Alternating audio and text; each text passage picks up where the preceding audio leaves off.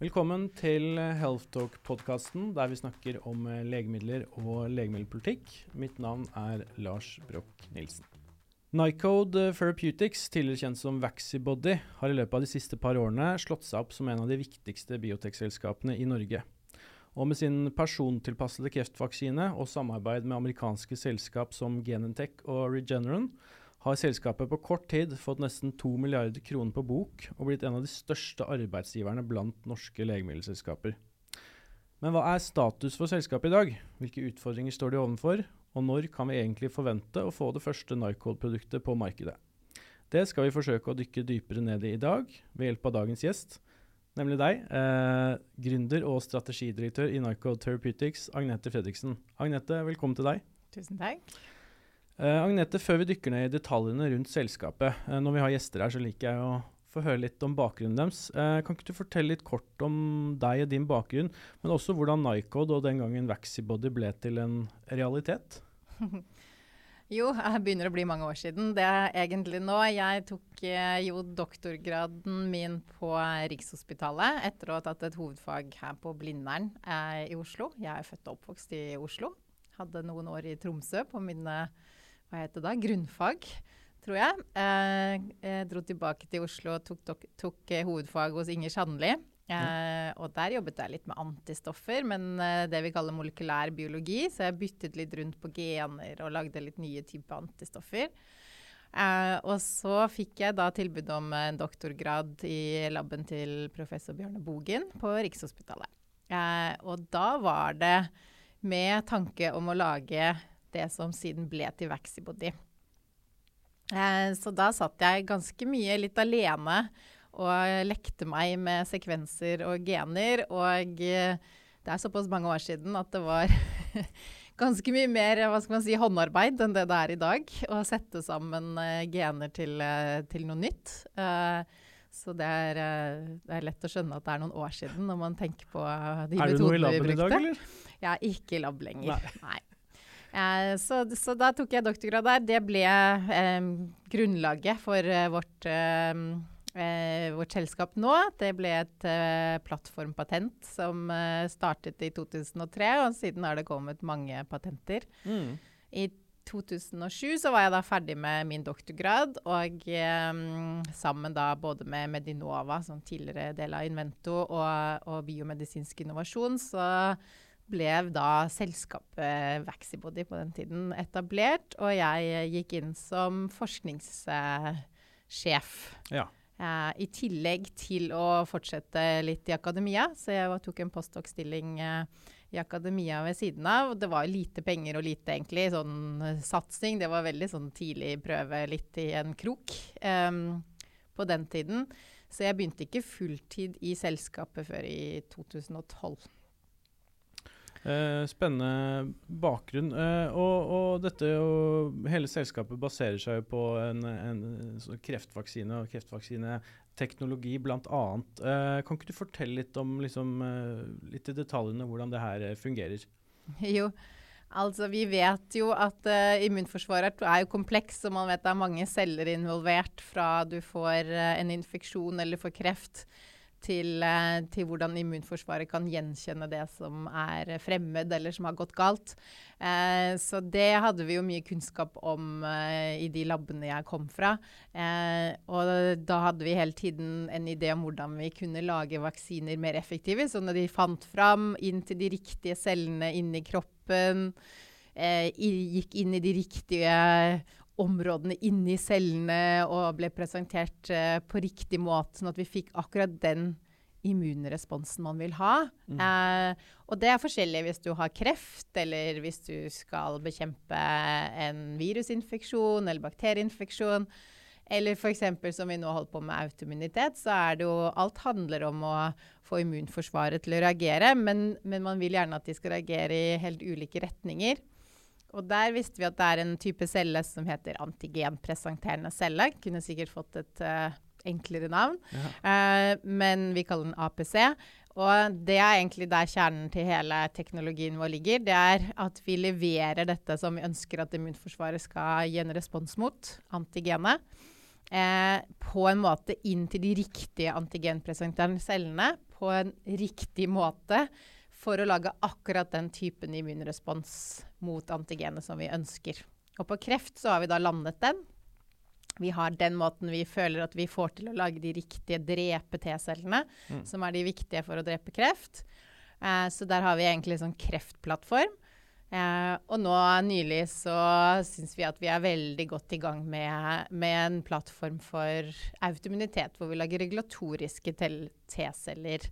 Eh, så vi har egentlig en sånn litt sånn sofistikert måte å manipulere eller kontrollere, dirigere immunforsvaret på. Eh, så vi får den riktige responsen. Uh, kan du si noe liksom hvor mange prosent hos dere nå som jobber med kreftsatsinga opp mot f.eks. autoimmunitet og andre områder? Ja, våre kliniske studier går jo på kreft eh, foreløpig. Eh, så sånn sett så er det en veldig stor andel av, av de som jobber hos oss, som, som jobber med, med kreft. Eh, akkurat sånn prosentmessig er det ikke så lett å si innenfor i research, for vi jobber i en matriksorganisasjon, så det er mange Alle som jobber litt av hvert. Eh, men, eh, men, vi har jo akkurat satset på en ny eh, gruppe innenfor autoimmunitet eller immuntoleranse, eh, med en egen ny sjef som, som, har kommet nå og laget en litt mer strukturert gruppe, som, som vil være en tre-fire-fem personer som som kun har fokus på det i utgangspunktet. Og så er det jo mange som gjør de samme metodene litt på tvers av eh, hvilket sykdomsområde. Ja. Uh, vi skal snart uh, over til uh, overgangen fra å være lille Vaxibody til det Nycode som, eh, som, dere er i dag. Men, men før det, eh, det er litt interessant eh, som du snakka om, du starta veldig nede i materien i dette her, i ditt eh, arbeid med doktorgraden og det som ble til eh, Vaxibody. I dag har du en helt annen rolle som gründer og strategidirektør for et selskap med nå over 180 ansatte. Eh, Agnete, dere har jo kanskje ingen standard arbeidsdager i et selskap som Nycode. Men kan ikke du ta oss gjennom det som kan være en vanlig dag for en eh, som deg som sitter i ledelsen i så stort selskap her i Norge? Nei, Hvis du snakker med de rundt oss, så tror jeg de stort sett mener at vi er ute og reiser. Det er mest standard. Ja. Uh, og når vi er ute og reiser, så er det ofte ting jeg ikke kan si noe om akkurat hva vi gjør, eh, dessverre. Nå har vi akkurat vært i New York med den kapitalmarkedsdagen, så, så det er jo kanskje et eksempel da da setter vi oss jo på flyet til USA. Vanligvis flyr jeg via København, sånn at vi kan bruke tiden på flyet til å jobbe sammen med de danskene som også hopper på samme fly. Ja. Så det er intenst på flyet. Og så Eh, da satt vi vel og planla sammen, eh, både Mikkel og Klaus, alle de som jobber eh, i, intenst inne i et møterom hele dagen. Og det går alltid fra ordlyd på pressemeldinger og presentasjoner og hvordan vi bør presentere ting, hva vi skal ha med og ikke ha med. Så kommer jo Bradley Monk løpende inn som man skal ha middag med, som skal spise på én time og tilbake, se på slides, komme med input. Eh, sove litt. Neste dag stå opp. Noen møter på, på, Teams med folk i Europa og andre steder i USA for andre ting. Hoppe inn på kapitalmarkedsdagen, stå og presentere. Gi, ønske velkommen og snakke med alle de som er der. Da løper vi vel rett til konsulen i Norge. Snakket med helseministeren rett etter det ut på middag med de investorene som, uh, som, var i byen. Hoppet på, vel på tog videre til neste by neste dag. Så det er, sånn, det er jo veldig hva skal man si, 18 timers dager hvor vi starter tidlig. Ja. Men det er jo I går sto jeg vel opp uh, hjemme. Jeg var på første call litt over klokken syv om morgenen ute i garasjekontoret mitt. Mm. Hadde vel møter med maks et kvarters mellomrom fram til klokken halv sju så satt jeg i bilen resten av kvelden for å kjøre mine ja. barn rundt omkring til alle aktiviteter ja. til klokken var sånn ti. Så du, du får til uh, hjemmelivet også? Det kan du spørre noen andre om, tror jeg. men, uh, men det må jo også til innimellom, så det er um, Og gjerne en call med Mikael ringer meg da i bilen, så, så mine barn må sitte og høre litt på på hva som skjer. De må, mm. de må få med seg en del jobbprat, de også. Ja, det er, det, er, en livsstil, da. Mm. Det skjønner vi. Um, og, og, livsstilen, eh, sånn som det har blitt, har jo blitt fordi dere har fått, eh, fikk en vekst. Eh, og den, den, skal vi komme litt inn på nå. For dette, en gang tilbake i, i, tiden så var jo Vaxibody en av flere selskap da i et mylder av andre biotekselskap som prøvde da å lykkes og finne det neste store i, i, det som nå har blitt et vanskelig marked, spesielt på kapitalsiden. Kan ikke du snakke litt med, med oss om eh, når og hvordan gikk dere fra å være da lille Vaxibody til å få den rollen som Nycod har i dag? Når, kan du liksom pinpointe når dere visste at nå har vi klart det? Mm. Ja, altså for meg jeg, føler jeg jo veldig at jeg kjente en stor forskjell når vi endelig fikk dette partnerskapet med Genentech. Altså det er jo utrolig mange som jobber med noe forskning der ute i akademia eller i små biotekselskaper. Og, og, alle føler jo de har en god idé. Jeg tror noe av det som, som jeg syns var utfordrende tidlig, det var å egentlig sitte og vite at der vi er i dag, kunne vi komme for 10-15 år siden, men uten å ha midler eller kapasitet til å gjøre alt samtidig. Så det å fokusere og fokusere på de riktige tingene som gjorde at de som sitter utenfor eh, mm. Vaxibody da, sine kontorer, også forsto potensialet i det vi jobbet med, eh, og hvor bredt det kunne brukes osv.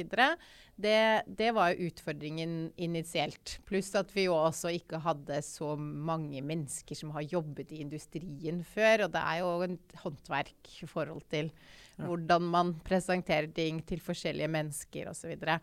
Så Så eh, når vi da hoppet over til å begynne med individualiserte vaksiner. Det å lage én vaksine per person, det er jo noe man kanskje ikke bør gjøre når man sitter fem stykker i et hjørne i Norge. Eh, vi hadde jo konkurrenter som startet i USA med 102 millioner dollar og hentet inn de beste i verden til å starte inn dette feltet samtidig. Eh, så vi følte oss jo veldig som sånn lille, lille gjengen som satt, uh, satt i en utkant, da. Eh, med lite penger, egentlig.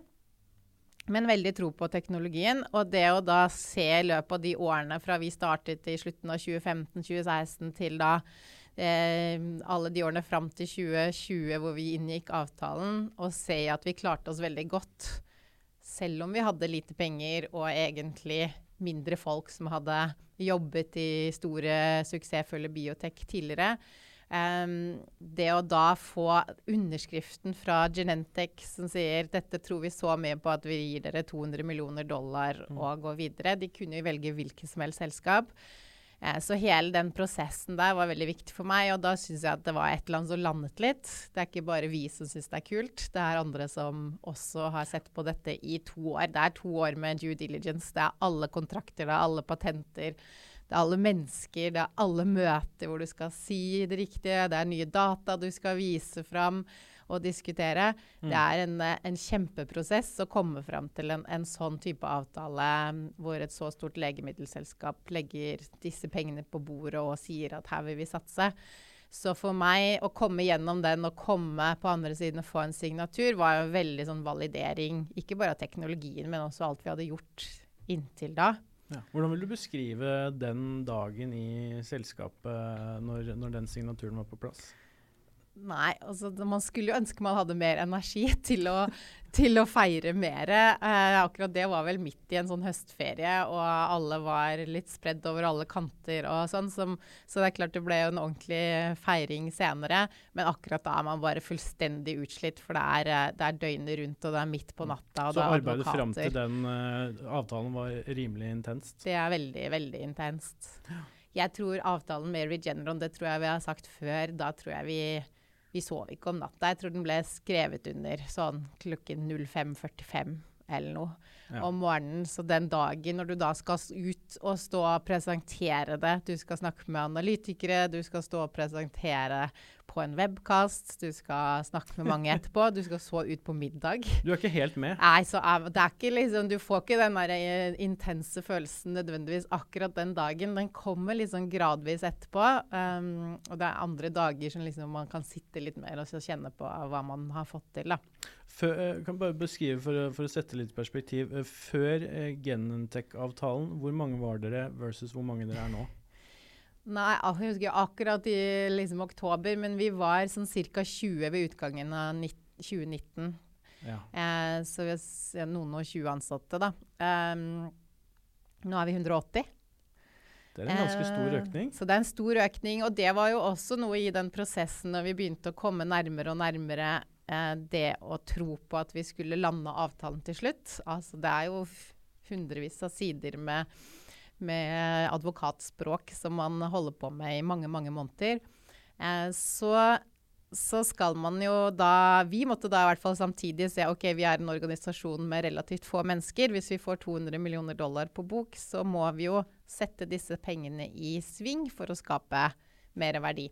Eh, mer produkter som kan komme til markedet, og ta virkelig nytte av plattformen. Nå hadde vi bare hatt ett produkt eller to på det tidspunktet, så hadde vi jo ikke hatt den muligheten Mm. til å skape arbeidsplasser eller kunne lage nye produkter som hjelper flere pasienter.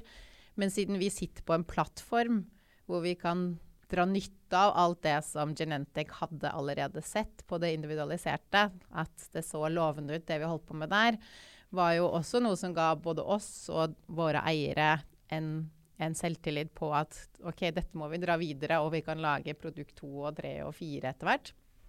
Og 100 eventuelt. Mm.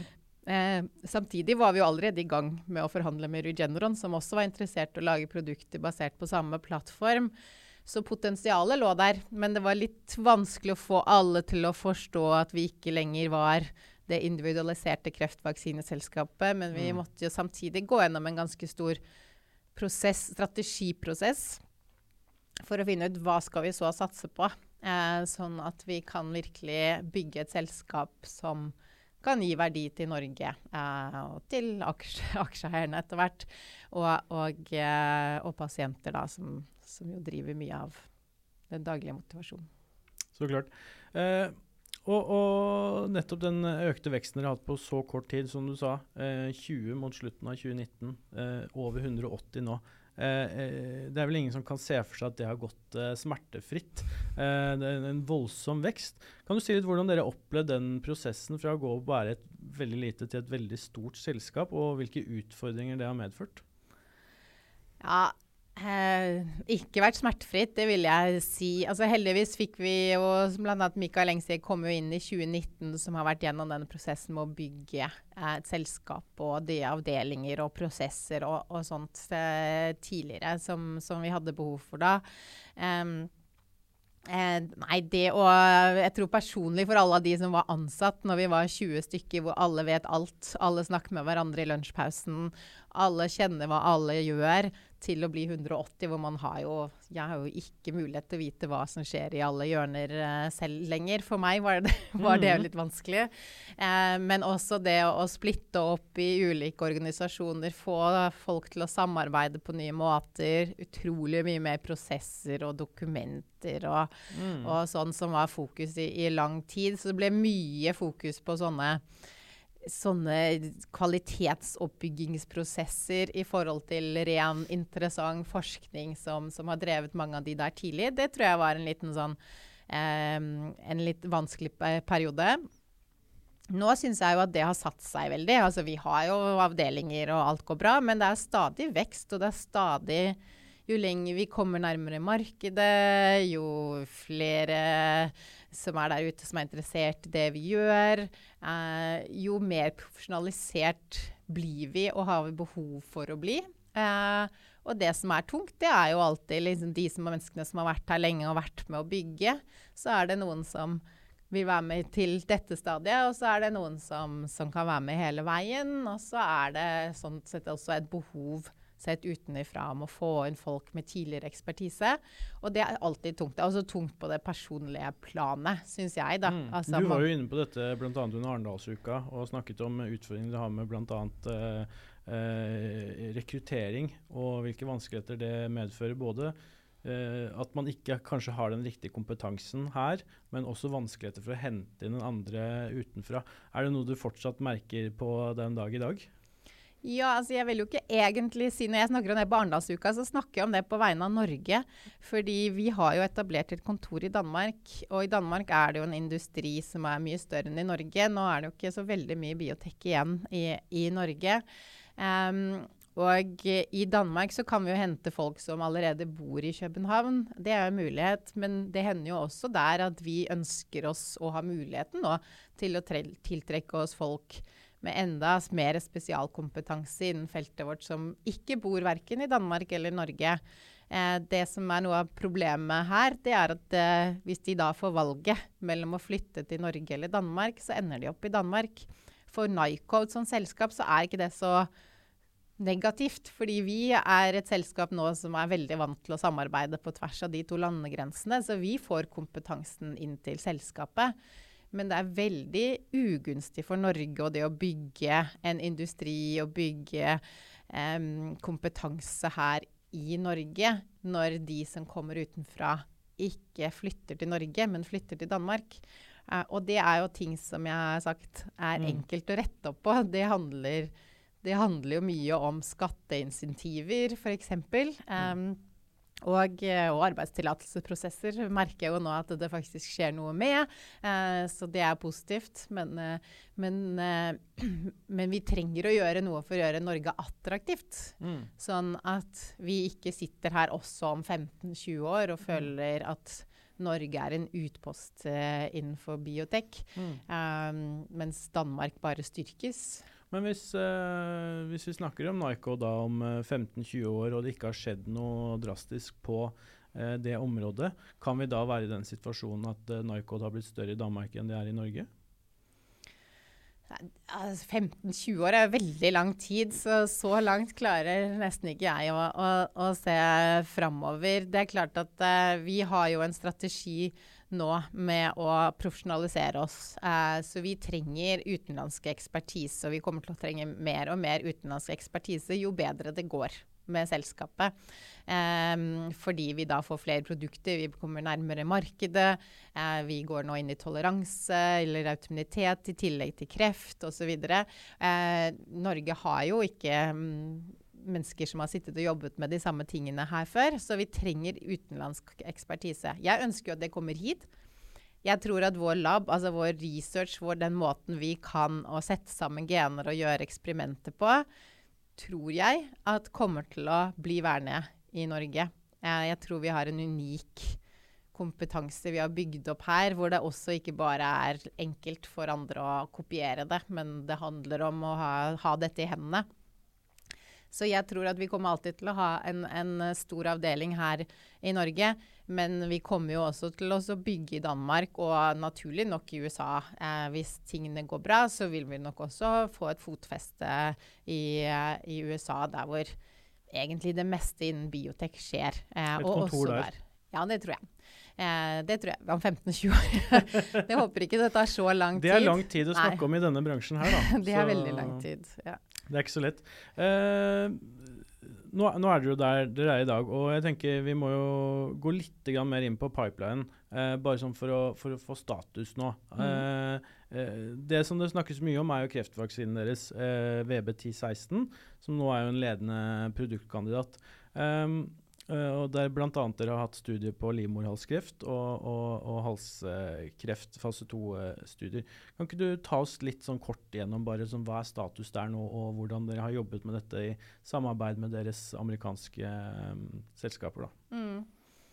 Jo, altså VB1016, som vi, vi, kaller det, er jo vår vaksine som vi nå har testet uh, i flere studier. Um, men de siste dataene som kom i i senstadiet livmorhalskreft var jo for oss veldig mer lovende enn man kanskje kunne håpet på eh, i en sånn studie i en sånn pasientpopulasjon. Hvordan da? Fordi at eh, pasientene er såpass syke. De, har gått gjennom, de fleste har gått gjennom kirurgi, de har gått gjennom ofte radioterapi. Eh, eller, og så har de også gått gjennom kjemoterapi. Eh, og noen har også da fått flere runder med kjemoterapi.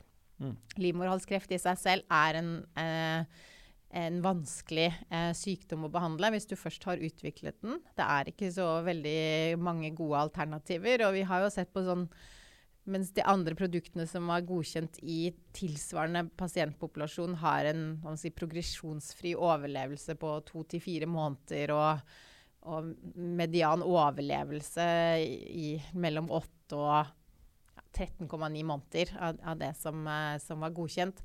Det er jo ikke en sånn veldig hyggelig um, uh, sykdom å, å få. Eh, og da gå i den, og ikke og gå i de som da liksom er senstadie, er vanskelig å snu. Eh, og det er jo, hvis du ser på feltet kreftvaksiner nå, så, så er det klart at tidligere så startet nesten alle i senstadier, fordi det er vanskelig å komme inn i en pasientpopulasjon hvor det fins et annet godt alternativ. Det holder på å snu.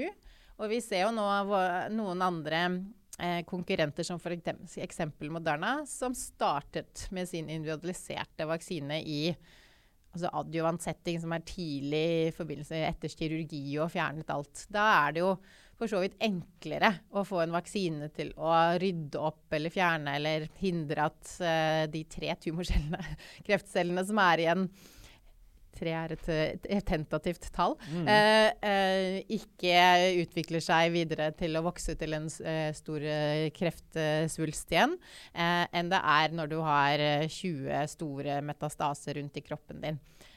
så når vi da ser at vi får så lang overlevelse, og vi ser også at den overlevelsen er knyttet til den T-celleresponsen som vi lager med vaksinen vår.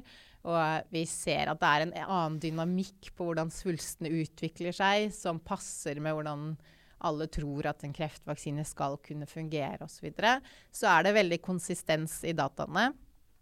Dessuten så er det også veldig langvarige responser på, på våre immunresponser. Det samme ser vi også i de individualiserte eh, kliniske studiene våre. Vi ser det samme. Vi ser den samme sikkerhetsprofilen, vi ser den samme T-celleprofilen.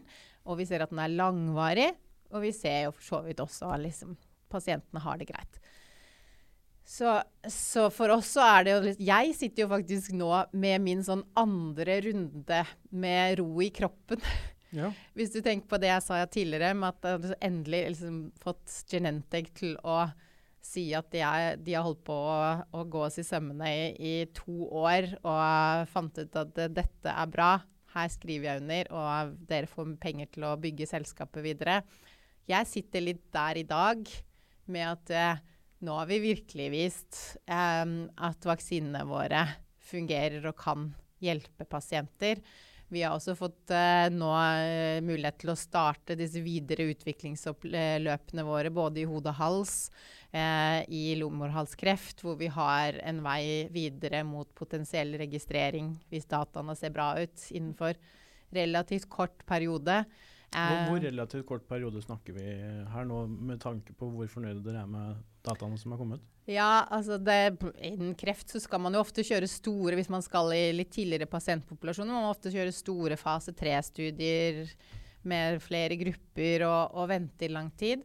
Eh, men, mens nå har vi muligheten i denne pasientpopulasjonen til å kjøre fram mot noe som heter accelerated approval. Det gjør man bare i pasienter som har et såpass stort eh, medisinsk behov. Mm. Eh, så vi snakker om at den studien er designet med 130 pasienter. Så 30 pluss 30, og så 70 i den eh, gruppen som vi ser, ser, bra ut. Og 130 pasienter. Det er alltid noe du skal igjennom, men mm. allikevel relativt få pasienter som gjenstår, hvis dataene ser bra ut, før eh, dette produktet da kan, kan eh, eventuelt få en, en, eh, en godkjennelse til eh, å begynne å selge under accelerated approval. da. Mm. Så, så man, jeg sitter jo liksom på en annen følelse. Så har vi plattformen vår nå. Eh, vi ser virkelig et kjempeinteressant potensial innenfor autoimmunitet. Vi ser også at det er stor interesse for dette som vi kaller antigenspesifikk eh, behandling mot autoimmunitet. Som mm. betyr at eh, hvis du f.eks. har diabetes, at du bare behandler de feilaktige immunresponsene dine mot insulin, og ikke mot alt i hele, hele kroppen, f.eks. Mm. Um, eller og, i, og, denne uken så har vi også fått lov eh, til å vise data som vi egentlig hele tiden har eh, visst at vår plattform trenger ikke å være DNA. Eh, vi har også vist data på protein. Det viste vi med autoimmunitet. Eh, denne uken så viser vi data på eh, hvor vi koder vår vaksine som en mRNA-vaksine, og har sammenlignet da i, i dyr mot disse standard mRNA-vaksinene, som nå har jo fått nobelpris osv., mm. hvor vi ser at vår teknologi eh, videreføres liksom uavhengig av disse formuleringene og måtene man lager vaksine på, så ser vi fortsatt at vi beholder denne egne forbedringspotensialet. Så, så, for meg så sitter vi liksom nå på en sånn sted hvor det liksom Det skal veldig mye til for at dette går veldig dårlig. Det, det skal mye til for å rive korthuset nå? Det skal veldig mye til for å rive ned dette korthuset. Og, og det er jo sånn som jeg kjente før Genentech, så vet man aldri om uh, noe går veldig dårlig, eller plutselig så er det ikke noe penger igjen, eller noe, og så går det dårlig. Følte det gikk bedre når vi fikk Genentech.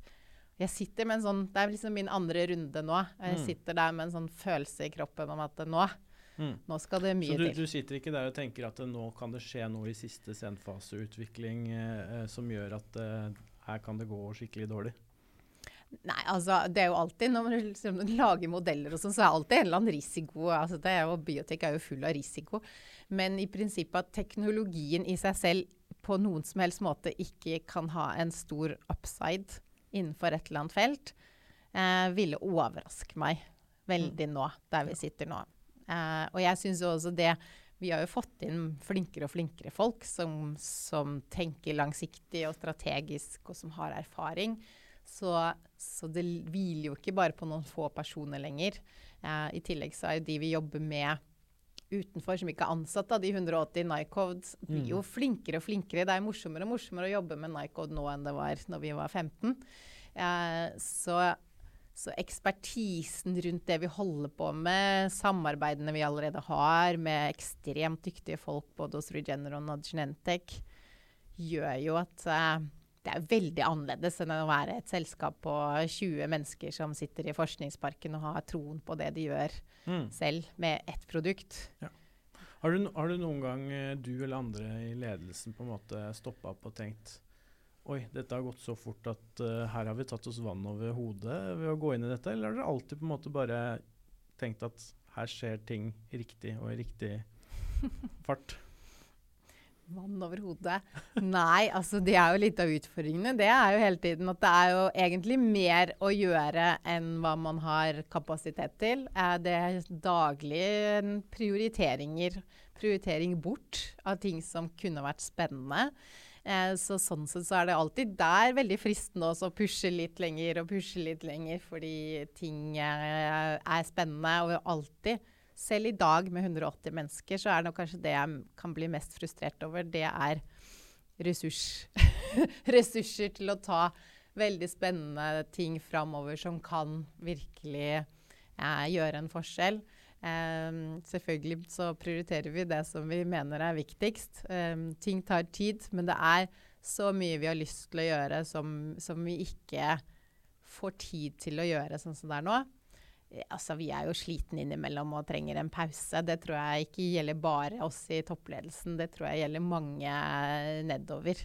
Mm. Det er ikke alltid oss, det er bransjen som er sånn. Hvis du søker eh, om å starte en studie i USA, så, så, er det en sånn prosess på noen dager. Og det er ingen som bryr seg om man har sommerferie eller ikke. Og man kommer tilbake med spørsmål som de har 24 timer å svare på. Eh, så det er jo en eh, Det er ikke en rolig bransje. Nei.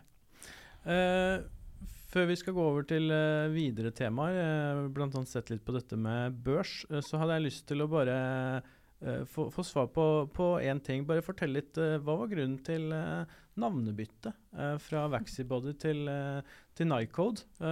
og ditt norske anene som er inni der, med, med, med bokstavbruken. regner med det har litt med den nye fasen dere gikk inn i, men fortell litt om bakgrunnen der.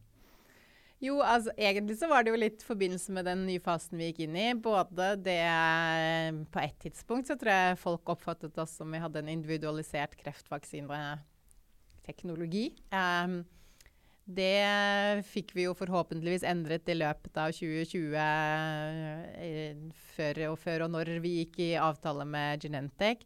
Så var vi jo i ferd med å gi, gå inn i avtale med Regeneron. Både innen kreft og infeksjonssykdommer. Vi hadde begynt å gjøre en del fokus på innovasjon. Sørge for at vi har nye plattformpatenter som sørger for at vi både beholder ledelses... Uh, eh, vår i forhold til eh, andre. Når vi begynner å gå i partnerskap, så er det fristende å prøve å, å kopiere det vi gjør. Mm. Og det å hele tiden en, ligge foran der. Så vi har jo innovasjoner som er liksom en uh, second generation av Vaxibody. Eh, skal vi fortsette å Ja. Så det, vi satt egentlig litt sånn er vi bare Vaxibody? Er det bare Vaxibody-vaksiner vi skal lage resten av livet? Eller skal vi lage noe som ikke etter hvert vil bli kalt en Vaxibody? Mm. Og da syns vi det var veldig begrensende at selskapet skulle hete Vaxibody. Um, så da hadde vi mange diskusjoner. Vi hadde veldig mye interessante samtaler også. Men hva vil vi være? Hva er vi best på? Eh, man kunne jo satset bare på et felt og gått inn i celleterapi og kreftterapi eh, på mange måter. Eh, men vi fant jo ut at det vi har som kjernekompetanse, som jeg sa også er veldig sterkt her i Norge og på Lab, det er jo den evnen til å sette sammen gener og lage noe helt nytt. Mm. Eh, og det er jo ikke bare fordi vi har kompetanse på det, for det mener jeg vi har. Vi har laget jo tusenvis av ulike nye proteiner kodet av gener vi har satt sammen i løpet av årene. Og det er ikke så mange som har den samme kompetansen som det vi har innen det feltet. Og det går jo på ny kode. Eh, som NICODE, eh, som vi kaller det. Um, og vi fant ut at det er kjernekompetansen vår.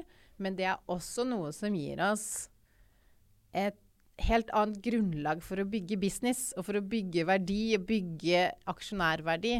Fordi når vi lager et nytt konstrukt eller en ny, ny plattform hvor vi har satt sammen noe på vår helt egne måte, og den kan bytte ut enkelte deler og fungere som en ny sånn grunnplattform, så sitter vi på patentrettigheter som har en enorm verdi, versus å bare lage et nytt produkt eller ta et produkt i forskjellige pasientpopulasjoner. Så det er også en sånn businessbyggingstanke rundt fokuset rundt av Nycode, Newcode. Så mm. lenge vi lager noe nytt, så sitter vi på patentrettighetene på det mye sterkere enn hvis man tar et naturlig protein og sier jeg lager en behandling mot det, f.eks. Eh, så, så det er en blanding av de to tingene. Så er vi stolt av norsk. Det er også utrolig vanskelig å finne et navn der ute som ingen andre har laget før, som gir mening. Eh, så, så, vi syns egentlig til slutt at det ble, ble en fin eh, kombinasjon å bruke de norske eller skandinaviske da, bokstavene til å fortelle hva egentlig selskapet satser på, og som har som ekspertise. Vi får egentlig veldig god feedback på det når vi forteller hvorfor vi heter Nycode i utlandet. Med mm. Norge så tror jeg fortsatt noen lurer litt eh, hvorfor det heter ny kode. Det, det, det, er ikke meningen at man skal si det på norsk. Det er meningen at vi skal eh, være litt stolt av våre norske røtter. Forstår. Du, eh, vi har jo prata om uh, veldig mye av det positive og flotte dere har fått, med, fått til med selskapet. Uh, og da er det én ting vi, vi, må ta opp. Vi, før vi skulle prate med deg i dag, så har vi jo sett litt på, på børstallene for, uh, for Nycode. Og de har jo ikke kanskje fulgt den positive utviklingen på alle områder på samme måte som, som, det dere har fått til andre steder. vi ser jo det at aksjene har jo vært oppe i over 80 kroner. Uh, og nå ligger den på litt nedi litt over 20 kroner. Uh, og, og, og, trenden nå ser ut som den er fortsatt peker jo nedover på, på, børsen. Kan du si litt om hvorfor dere tror dere ikke har lyktes på børsen på samme måte som uh, innen andre utviklingsselskapet? Og si litt om hvordan børsnedgang påvirker videre utvikling i, i selskapet? ja.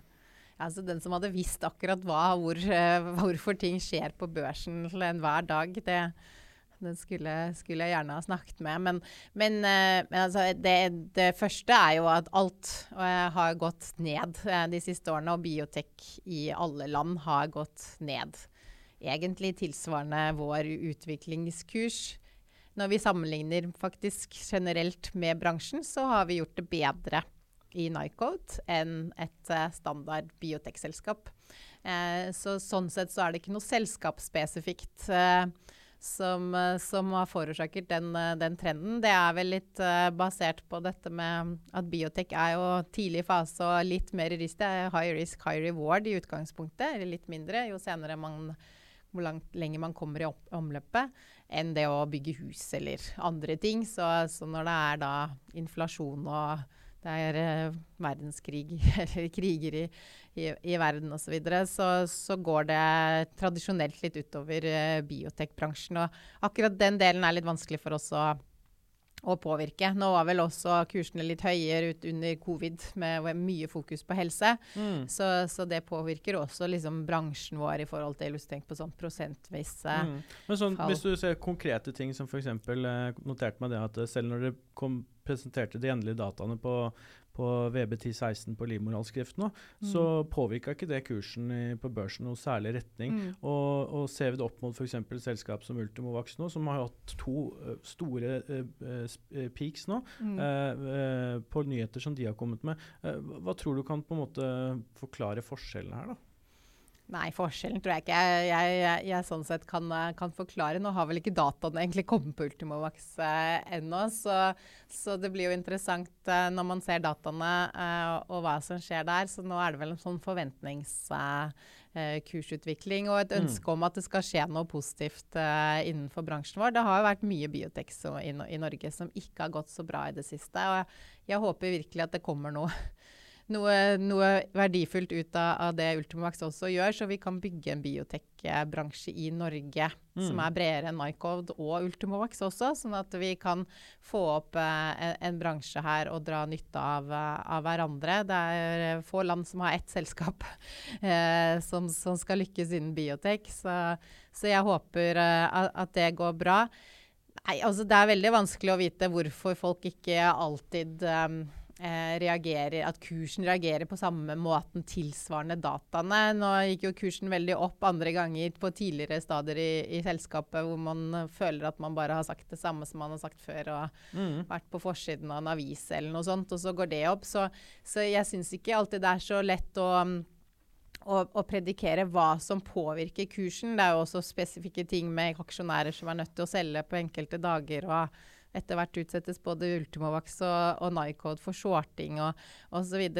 Jeg syns det viktigste for oss er jo at vi genererer gode data, og at vi genererer en base der hvor vi, vi, vi på sikt vil bare generere data som går mot markedet. Mm. Biotek er vanskelig. Jeg tror Nycode sin teknologi er også vanskelig. Det er vanskelig å forstå bredden av det vi holder på med og hvor langt vi har kommet i forhold til å deriske vår teknologi med partnerskap, med kliniske data, med penger på bok, med alle samarbeidene vi har, um, i forhold til liksom ett produkt som er et eller annet sted i en fase, er litt enklere å forholde seg til av og til. Mm. Um, jeg syns jo at um, vi har veldig forskjellige interaksjoner når vi, når vi snakker med, med, de som jobber innen bransjen og er spesialist, spesialister innen feltet. Så, så, vi vet jo at vi er på riktig vei. Um, vi vet at vi gjør det riktige for å bygge aksjonærverdi. Uh, og så er det da noen som har solgt seg ut for tidlig på lav pris, og så er det noen som, uh, som, uh, som vil sitte inne på riktig tidspunkt. og Eh, sånn sett er det jo fint. Da. Det er umulig å spørre meg om eh, aksjekursen kommer til å gå opp eller ned. Eh, før så kunne man jo kanskje vite at det kom noen, kanskje noe positivt snart, så kom aksjekursen til å gå opp. Ja. Det tror jeg ikke eh, erfaringsmessig har vært like enkelt å, å predikere for oss uh, i det siste. Jeg håper at det tar seg opp med kompetanse innenfor feltet og, og konsistensen. At, um, at, at, det blir en mer forståelse for for hva data betyr. Hva, eh, hva vår kommunikasjon betyr. Så som eh, strategidirektør så vil du si at strategien deres er eh, på riktig vei, eh, uavhengig av hva børsen sier akkurat nå? Ja. Nå er jeg forretningsdirektør, da, fordi ja. jeg har byttet litt navn i mange år. Men, eh, ja. men for så vidt eh, så, så, jobber jeg jo mye med strategi òg. Ja, absolutt. Altså, nå jobber vi Innen kreft, innen kreftvaksinene våre nå, så har vi kommet så langt at plattformen vår begynner vi virkelig å ha eh, har derisket såpass mye at her handler det mye nå om eksekvering eh, og å få produktene våre fram via de riktige pasientpopulasjonene og studiene, sånn at vi får laget produkter som kommer pasientene til nytte, og som også kommer aksjonærene til nytte eh, som, i, i, den graden der. Og det å ha en plattform da, og ikke ha ett produkt, er jo en kjempeverdi for å bygge selskap i mange år. Mm.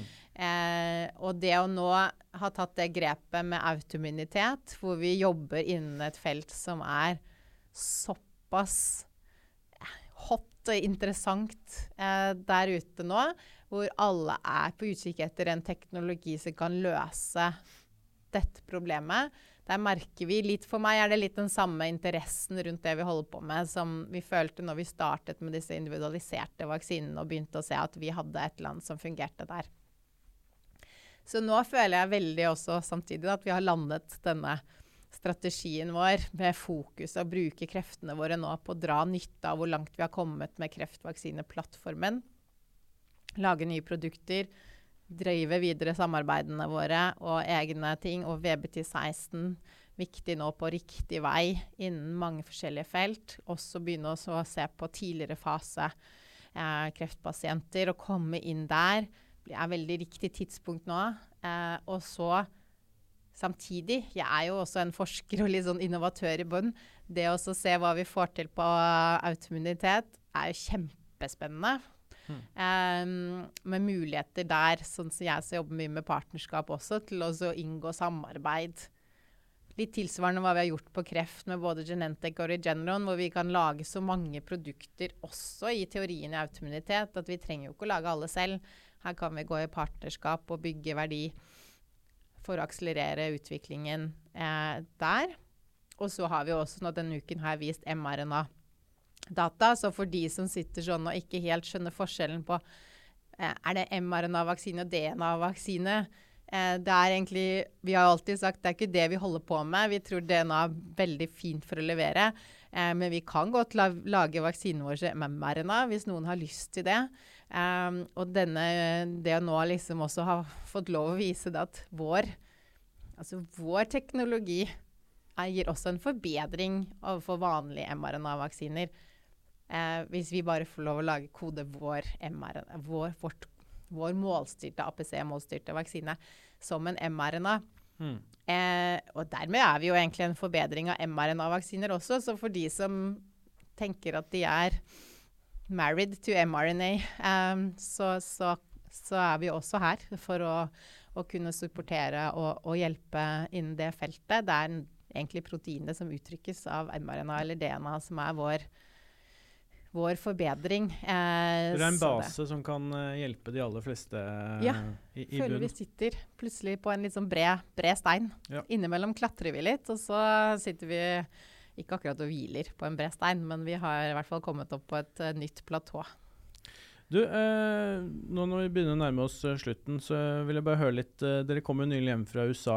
du nevnte jo tidligere i, i podkastepisoden at dere har hatt en kapitalmarkedsdag i New York, eh, som var i 20.9. Eh, hvilke tilbakemeldinger fikk dere fra de som deltok der? Nei, Det er jo da analytikere og spesialistinvestorer som, som er utdannet i den yrket og ser på alt annet. Så, så, nei, det er noe av det jeg syns er aller morsomst.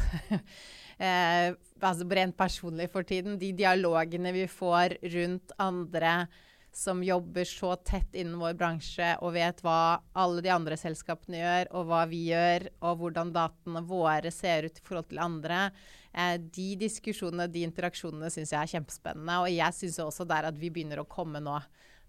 Det er jo ikke Når jeg sier at jeg sitter og føler at vi er på et sånt nytt platå hvor jeg får en liten annen ro, er det jo også basert på de interaksjonene man har med folk utenifra som ser det samme, som gir inntrykk av at de ser den samme eh, utviklingen som er på plass. Med at nå, nå mm. er det eh, vanskelig å rive ned, ned, dette huset med det første. Det høres ut som på det du sier at det kan skje spennende ting eh, med dere fremover, bl.a. med USA-satsing. Og det har jo blitt spekulert rundt, rundt eh, børsnotering da, på, på Nasdaq. Eh, kan du gi oss noe hint om hva som vil eh, kunne skje der?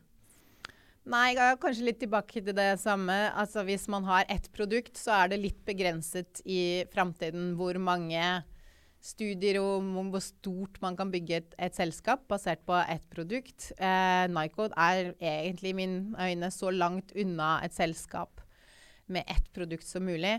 Dermed så er det jo, hvis man skal lage maks verdi ut av teknologien i selskapet, så er jo dette et selskap som bør bygges. Altså både via partnerskap, flere partnerskap enn det vi har nå, men også via, via det å, å utvide um, vår egen base, vår egen pipeline til flere produkter. Både da innen autoimmunitet og eh, innenfor kreft. Og det er jo andre muligheter eh, utenfor det også, men nå må vi ta noen skritt om gangen.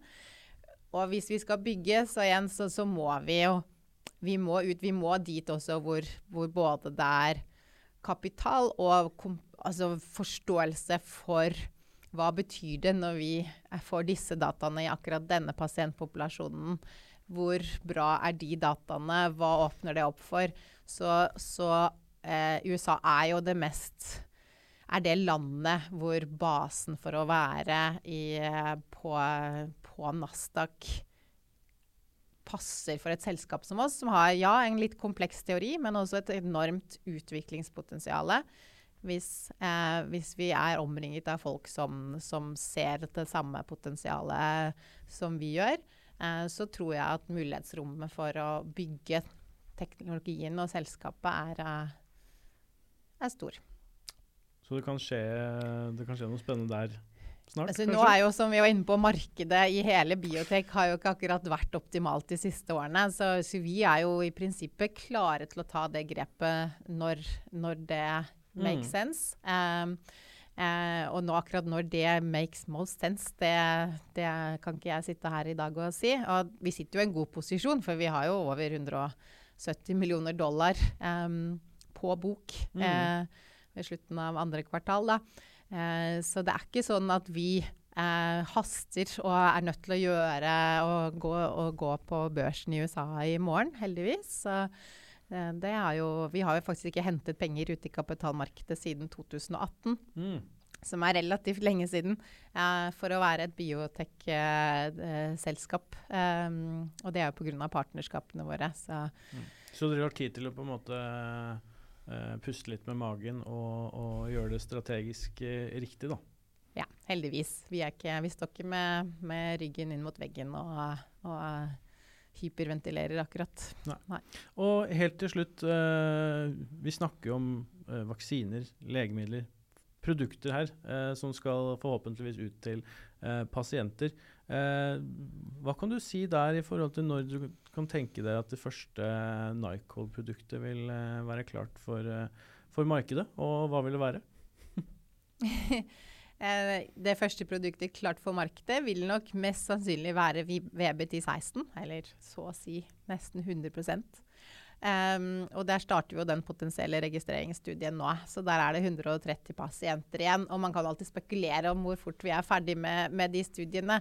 Uh, men dette er jo helt avhengig av antallet pasienter som kommer inn, på, på hvilke, hvor raskt de kommer inn. Vi, vi samarbeider jo her med GHG eh, som er gynekologisk onkologigruppe i, i, USA. Vi hadde jo også en fra GOG til å, å, um, være med oss på kapitalmarkedsdagen i New York og gi sitt perspektiv på både livmorhalskreftlandskapet og VBT16. da. Eh, så så vi har jo sagt vi, vi tror vi kommer med interimdata hvis vi starter denne studien mot slutten av året. Så, så, tar det over et år, litt over et år i hvert fall, før vi liksom har data på den første, første delen. Og så trykker vi jo på. Det er jo også liksom litt avhengig av de dataene vi får da, hvor fort vi får inn de neste 70 mm. eh, som vi trenger. Eh, men i utgangspunktet er det jo få pasienter i vårt eh, i, et kreftutviklings, uh, kreftbehandlingsutviklingsløp da, eh, som gjenstår. Eh, så VBT16, alle det tror vi. Så kjører vi hode og hals samtidig. Vi har lyst til å også ta steget inn i, i tidlig fase adjuvans, sånn at VBT16 i seg selv, som er jo et produkt av mange mulige produkter, mm nå egentlig akselereres ut fordi vi har derisket det såpass, så er jo da det vi jobber med nå, det er jo å ta mest mulig verdi ut av det i de mest strategiske pasientpopulasjonene. eh, sånn at det genererer mest verdi innenfor de neste årene. Inkludert når det kommer til markedet i det første pasientpopulasjonen, men samtidig som det eventuelt da kommer til marked innenfor livmorhalskreft i andre linje, som er der vi går først, så drar vi jo eh, videre eh, studier av samme produktet innenfor hode og hals i førstelinje, og eh, har da også planer om å gå inn i, i, uh, i tidlig fase i livmorhalskreft, sånn at VBT16 i seg selv totalt sett vil få en større verdi enn hvis vi bare gikk eh, mot denne ene pasientpopulasjonen. Hvis dere treffer på alle punkter nå, dere får rekrutteringen til riktig tid, dataene er der de skal være, eh, godkjenningene kommer når de skal. Mm. Eh, realistisk sett, og forhåpentligvis når, eh, er det vi ser det første Nycod-produktet på markedet? Nei, altså det har vi jo sagt at uh, det tar jo litt tid fra man avslutter studiene og leser av og søker og alt mulig sånt nå, så, så 28. 2028. Ja. Er mest realistisk. Jeg vet ikke om det er liksom hvis alt går. Det kan Ja. Eh, det, er, det, er, det, er, det realist, mest realistiske estimatet eh, basert på estimert pasientinklusjon. Så kan det gå i begge veier. Man vet jo aldri. Mm. Da er det spikra. Nei da. Men uh, da, da, har vi i hvert fall en uh, idé.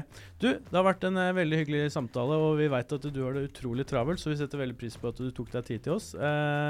Og for de som har lytta på oss i dag, så, så, er det også mulig å se, se dette intervjuet i, i, videoformat på våre nettsider.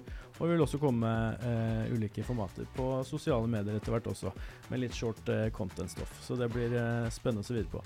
Tusen takk for at du stilte opp her, Agnete, i dag. Og så snakkes vi seinere.